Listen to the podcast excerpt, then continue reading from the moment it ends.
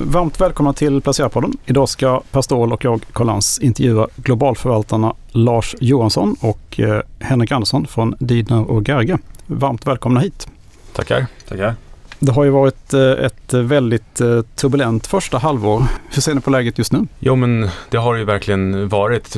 Fast på ett sätt har det nästan i vår eh, värld och i våra huvuden har det varit efterlängtat. Det är ju... Lägre värderingar? Ja, precis. Och att eh, fundamenta och, och, säga, värderingar från eh, de, de, de, gamla tiderna som vi är lite mer uppväxta i liksom under 2000-talet. Att det är, eh, återgår till att bli verklighet. Det har ju varit eh, en värld som man lite har skakat på huvudet åt i några år. Uppskjutet av det ena och det andra. Men eh, nu tycker vi att det är mer spännande än på väldigt länge. Mm. Har ni passat på att göra mycket i portföljen eller än gör ni bara det ni har gjort tidigare eller hur? Skapar det möjligheter eller är ni så pass långsiktiga att det här inte spelar så stor roll? Jo men eh, det gör det ju såklart. Ehm, så vi, vi, gjorde väl egentligen eh, det mesta vi har gjort på, på många år under eh, 2020 då när det blev först eh, ja, den här härliga V-formationen med först kraftig nedgång då under våren och sen eh, lika snabb tillbaka studs där man försökte extrapolera en, en pandemityp av ekonomi långt in i framtiden. Så där var vi ganska aktiva. Samtidigt är det ju här tankar som man har i huvudet kring en mer långsiktig horisont. De fröna måste man ju så många år tidigare i portföljen för att det, det ska bli bra. För vi, vi, vi vänder ju inte på 50-60% av, av, av, fonder under ett år. Så, utan vi har försökt jobba med det här i, i flera års tid. Finns det någon speciell plats där man ska så sina frön just nu tycker ni? Alltså om man, man, kan gå tillbaka, vi kan koppla på det Henrik ja. talade om faktiskt. Att det som händer när, när någonting hamnar i fokus, det är något, att något annat hamnar ur fokus. Och det är kanske någonting som vi har upplevt, eh, om, man, om man kanske kan gå tillbaka till och med just innan den här pandemin, så var det en, en viss typ av bolag, eh, Eh, kanske som inte var precis på det, det, som folk, gemene man ville köpa. Det var inte det det skrevs om i, i tidningar, det var inte det det poddades om, det var inte det som fick rubrikerna. Eh, och redan där börjar man gå tillbaka till, till, klassiska typer av bolag som hade en väldigt stor eh, stark marknadsposition. Det kunde vara globalt eller det kunde vara lokalt. Men några som var liksom någon typ, typ av världsmästarbolag kanske man kan säga. Och där, redan där kan man säga 2019, 2020 så började vi hitta in i ett par sådana bolag som lite grann glömdes bort. Och den trenden har väl egentligen fortsatt och vi såg framförallt under 2021 kanske att en del bolag som hade varit lite i ropet men kanske inte var precis de som växte allra mest eller allra snabbast eller lovade allra mest, de föll också ur smaken lite tidigare. Och det är kanske sådana bolag som, som vi har börjat titta in i. Vi har gjort några förändringar i år, men vi förväntar oss också att det skulle kunna finnas ett par intressanta möjligheter här framgent. Vilka var de här världsmästarbolagen då? Som du... Ja, men vi har ju framförallt, man, man kan ta några, det finns ju en del som är väldigt kända. Vi, när vi kom in här så fick vi göra sådana här liten namnskyltar. Vi skrev, vi skrev in oss, så fick vi en liten tag här. Och den taggen skrevs ut av en Zebra-skrivare. Och Zebra Technologies, de är störst i världen på barcodes. Alltså streckkodsteknologi. Och det är när du hämtar paketet på ditt Postnord-ombud exempelvis, då blippar de där. Du kanske har en QR-kod som du har fått via Postnord-appen. Mm. Och den, det är de som har den där scannen och de kanske har den här printern som du har på de här. Men också det som när något bud kommer hem till dig eller när man jobbar på ett på ett eh, varuhus, eh, vad som helst, pri, prislappar. Det är ett sånt bolag. Andra är Hologic, ett bolag som håller på med mammografi, världsledande inom det. Det, är också, det hamnar ju ur det här. Vi har varumärkesbolag, eh, Shimano, som gör cykelkomponenter.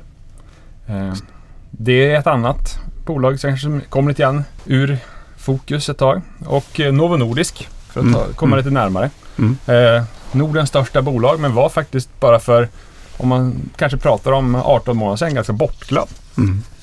Jag, jag, skulle vilja veta lite hur ni letar bolag. Hur tänker ni? Vad, är liksom det viktigaste när ni letar bolag för att hitta de här, vad, vad kallar ni dem för? Champions eller mästare eller marknadsledare eller? Ja, vi har ingen speciell eh, be beteckning på Nej. dem så. Men när ni letar ett eh, portföljbolag, vad, vad är liksom, hur tänker ni? Jag tror att eh, man ska vara så, mm, så öppen som man kan vara Eh, och, och, inte kanske låsa sig vid eh, att bara leta i ett fiskevatten. Och det där är väl någonting som man ju längre man håller på med det här, att man inser hur, hur viktigt det är och att, att det finns inte ett sätt som är finare än, än andra.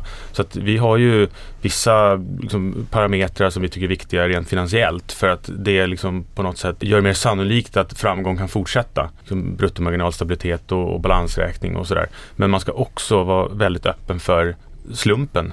Eh, och att när du väl springer på någonting som är väldigt starkt och bra, då, då ska du inte bara liksom vifta bort det för att jag hittar inte det här på rätt sätt. Och ett av mina absoluta favoritexempel på att hitta ett bolag, Brookfield Asset Management som vi äger nu, det var ju via en YouTube-intervju med ett av våra eh, dåvarande innehav, Mark Hell, som vi fortfarande äger, när han berättar en historia om hur, hur Brookfields VD hade eh, agerat under World Trade Center-katastrofen, där de hade fastigheter i, i området då. Och det där sattes otroligt starkt. Men vi hittar inte igenom något, något, något fint sätt i en databas. Men det är ett av våra absolut bästa innehav sedan dess. Så det varierar.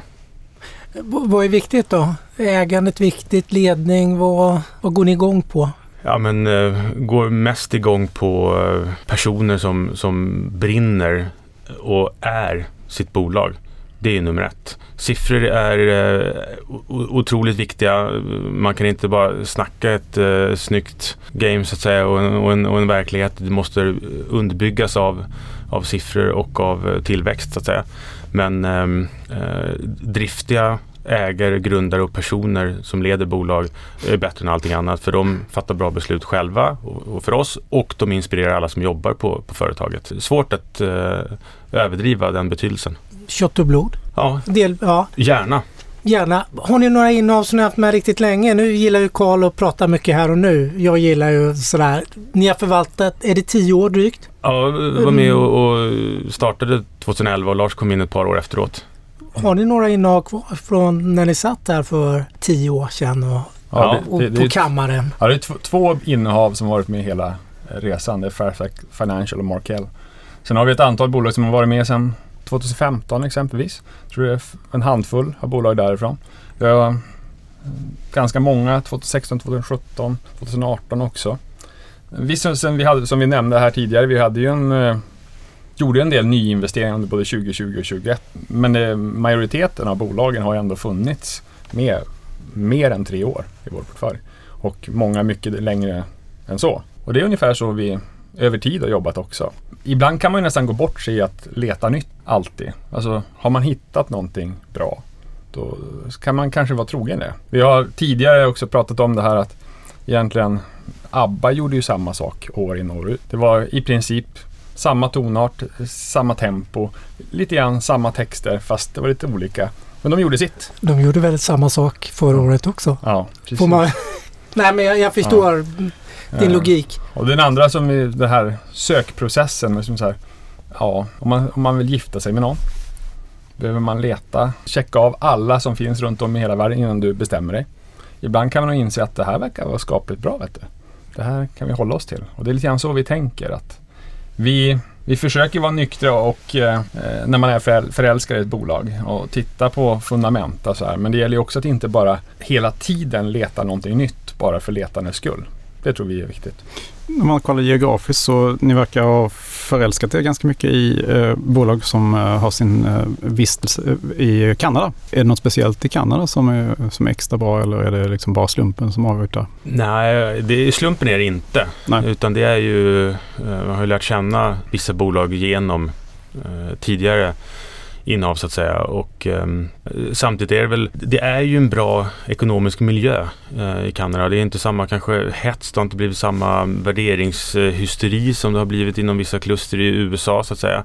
De är inte bortglömda på, på, på det sättet men eh, de är definitivt i bakvattnet och framförallt eftersom Kanadas ekonomi har varit så råvaru och finansdominerad under många år så kanske det inte har lockat till sig den typen av bolag som får en börs att att eh, liksom brinna av, eh, av eh, kapital så att säga. Så att, vi har hittat in billiga värderingar i många företag och tycker att människorna är, säga, de är down to earth, många av dem. Det är lite Midwest, USA-känsla i stora delar av Kanada. Så eh, ja, det, är- mycket att, mycket att gilla. En annan sak där kan man ju tänka sig att Kanada som land är ju ganska råvaruberoende. Och det gör ju också att börsen rör sig ganska mycket som hur det går på råvarumarknaden. Vilket gör att även bolag som inte håller på med det ibland dras med i det. Mm. Det är ju typiskt sånt som vi letar efter. Att man smittas av någonting som du egentligen inte har nå- någonting med att göra. Sen kan man också tänka på att Kanada rent geografiskt är ett, ganska, är ett väldigt stort land. Och det är ganska långt mellan de olika städerna. Vilket gör kanske att man inte tenderar att flytta lika ofta så bolag får behålla sin personal längre. Så att det som byggs upp det bevaras också på ett annat sätt. Och man kan också investera för lång sikt för folk har, de vill vara kvar. Det är en poäng, verkligen.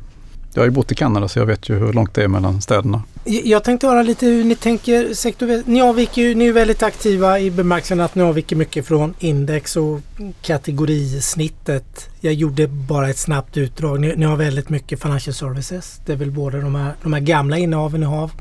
Fairfax. Ah, Fairfax och Markel. Mm. Eh, hamnar väl där. Och sen har ni mycket hälsovård. Vi pratade lite Nova innan vi drog igång här. Vad, är det ett medvetet val eller har det bara blivit eh, den, den sektorfördelningen som är, den blir vad den blir för att ni hittar intressanta innehav. Ja men så är det verkligen och eh, det som vi pratade om tidigare om människor och hur viktigt kött och blod kan vara och sådär. Det är ju få typer av företag där enskilda personer kan ha så stor påverkan på ett bolags värdeutveckling eh, och ett bolags framgång som inom vissa försäkringsbolag eller eh, investmentbolag eller så.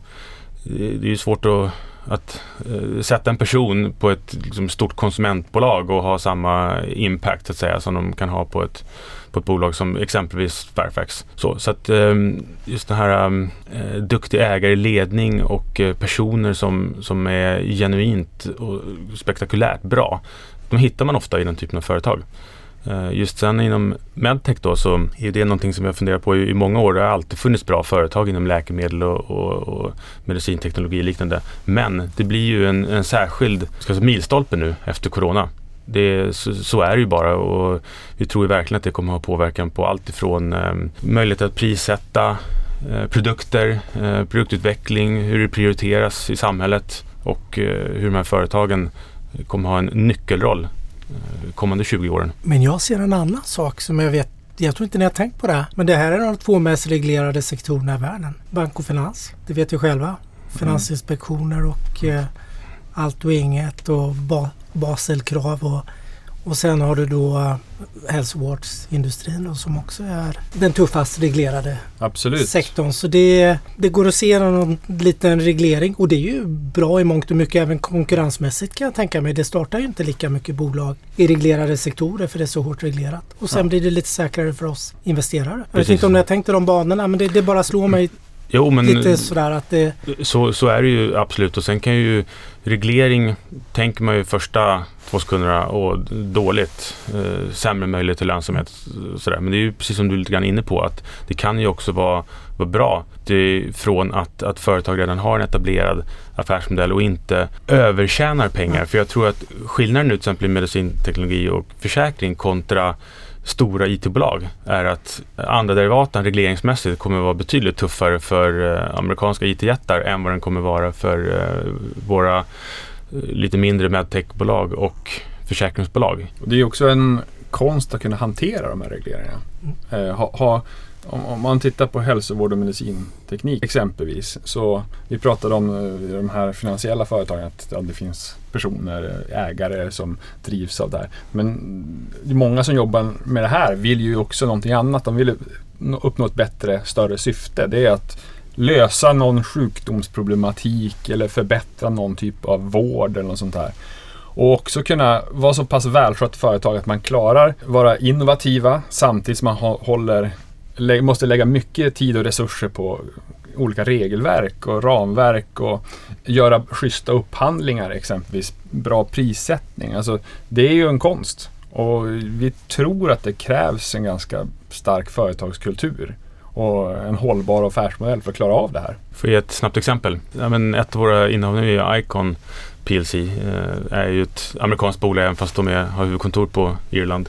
De var ju instrumentala bakom eh, scenen så att säga i att eh, Pfizer fick igenom sitt vaccin så snabbt. Eh, det var ju outsourcingbolaget eh, som genomförde alla kliniska studier, Eh, patientinsamling och genomförande av alla tester. Och då satt de ju verkligen i samma båt som staten så att säga i, i, en, i en, positiv samverkan. Och det här är en sån här signal och att de klarar av att göra det på så kort tid, 2020, ju, tycker vi är en ganska stark signal eh, också som, som aktieägare. Jag vet att ni ägde Activision Blizzard eh, förra året i alla fall. Men har ni varit med nu över bud, i budet också så att säga? Eller har ni, ni har sålt den nu då? Ja, vi, det. vi, vi sålde den under förra året. Mm. Eh, Det som en del känner till det var ju att det framkom ju Mm. under förra året att bolaget inom, till att börja med så framkom det att inom en utvecklingsstudie hade det, arbetsklimatet varit ganska dåligt. Ja. Och om man backar bandet, Activision Blizzard, det är ju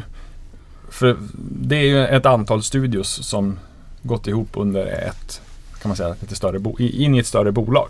Och de har varit ganska fristående de här utvecklingsstudierna. Eh, till att börja med så tänkte man kanske att ah, men det här är ganska isolerat till en eller ett fåtal studios och ett fåtal personer. Men när vi, man började jobba lite grann och titta lite grann och läsa en del så framkom det i alla fall att det fanns indikationer på att det här var mer utbrett än bara ett litet isolerat område.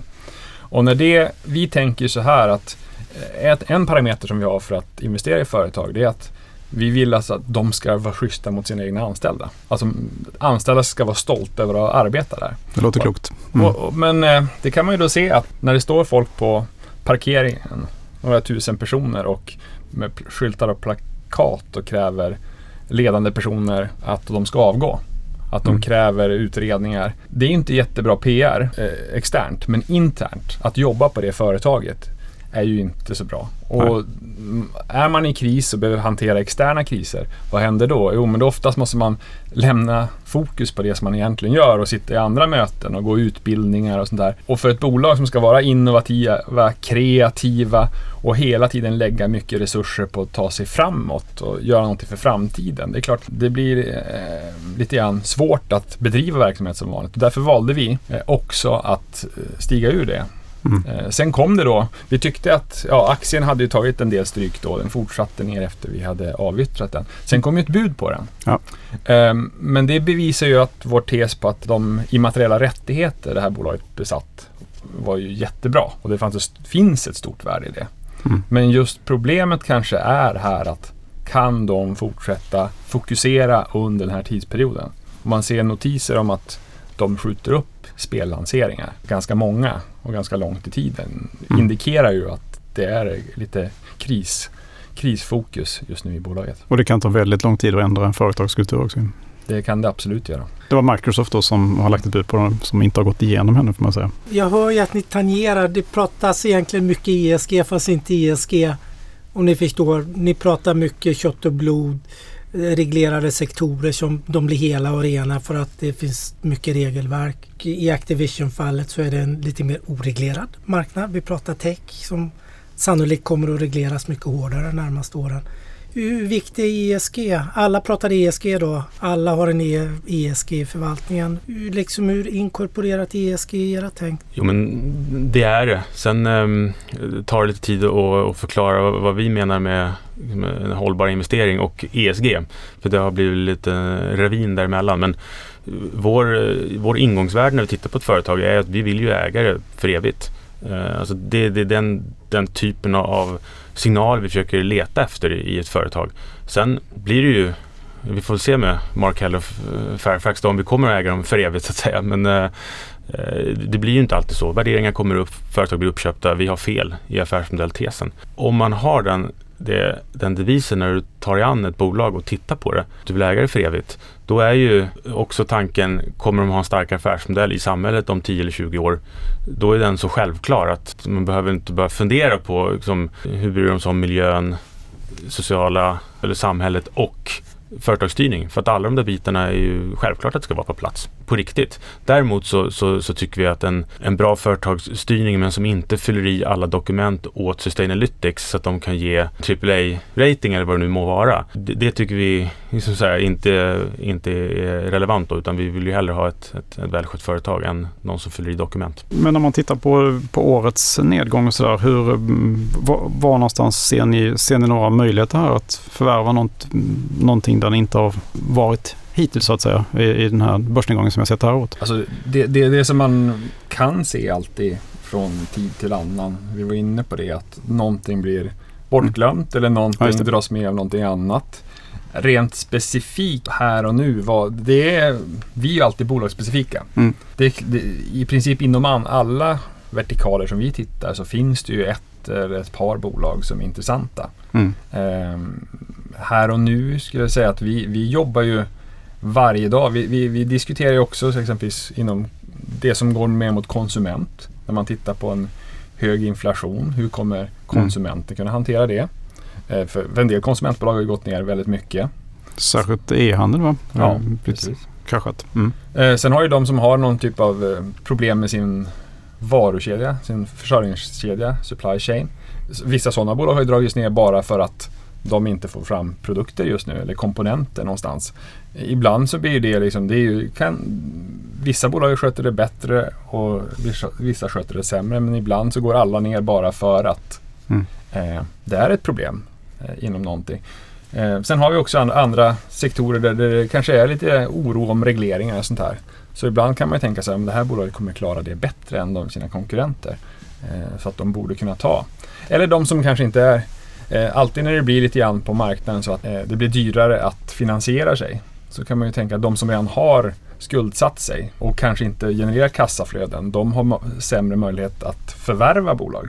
Vi såg det exempelvis eh, här i veckan så hade vi ett av våra innehav, eh, WSP, ett annat kanadensiskt bolag, eh, Det- som gjorde ett förvärv av ett, från en brittisk koncern där man köper deras environment och ehm, eh, water-segmentet. Och det låter ju jätteintressant att köpa sånt. Men det visade sig att det företaget var tvungen att sälja det.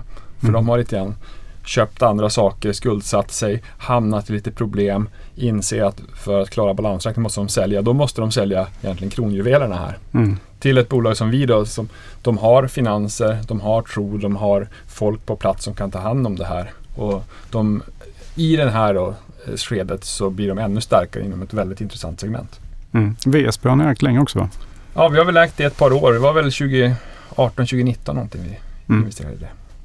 Global konsultjätte. Mm. Ytterligare något, eh, vad ser ni mer för utmaningar? Om vi, om vi kollar lite framåt. tror eh, ändå att en, ehm, eh, som vi har pratat mycket om internt och skrivit lite grann om, att en ehm, utmaning kommer vara här att, att ta sig an ett, ett, ett nytt kanske tankesätt för, för många. Man har blivit så inprogrammerad av att man ska, vad är förkortningen nu, BTD, buy the dip eh, Mm. och sådär. Vilket eh, eh, nu möjligtvis inte kommer vara den bästa strategin i och med att eh, vi går in i en, i en period där Högre man har behövt, precis, man har behövt Mm. jobba ett antal år för att Mm. varit med om det tidigare. Högre inflation, ett annat tankesätt kring eh, hur du ska jobba med prissättning och produkter och investeringar och liknande. Och andra värderingsramar. Alltså det, bandet där liksom en normal värdering är, är inte liksom 30 till 70 gånger vinsten utan det är något annat.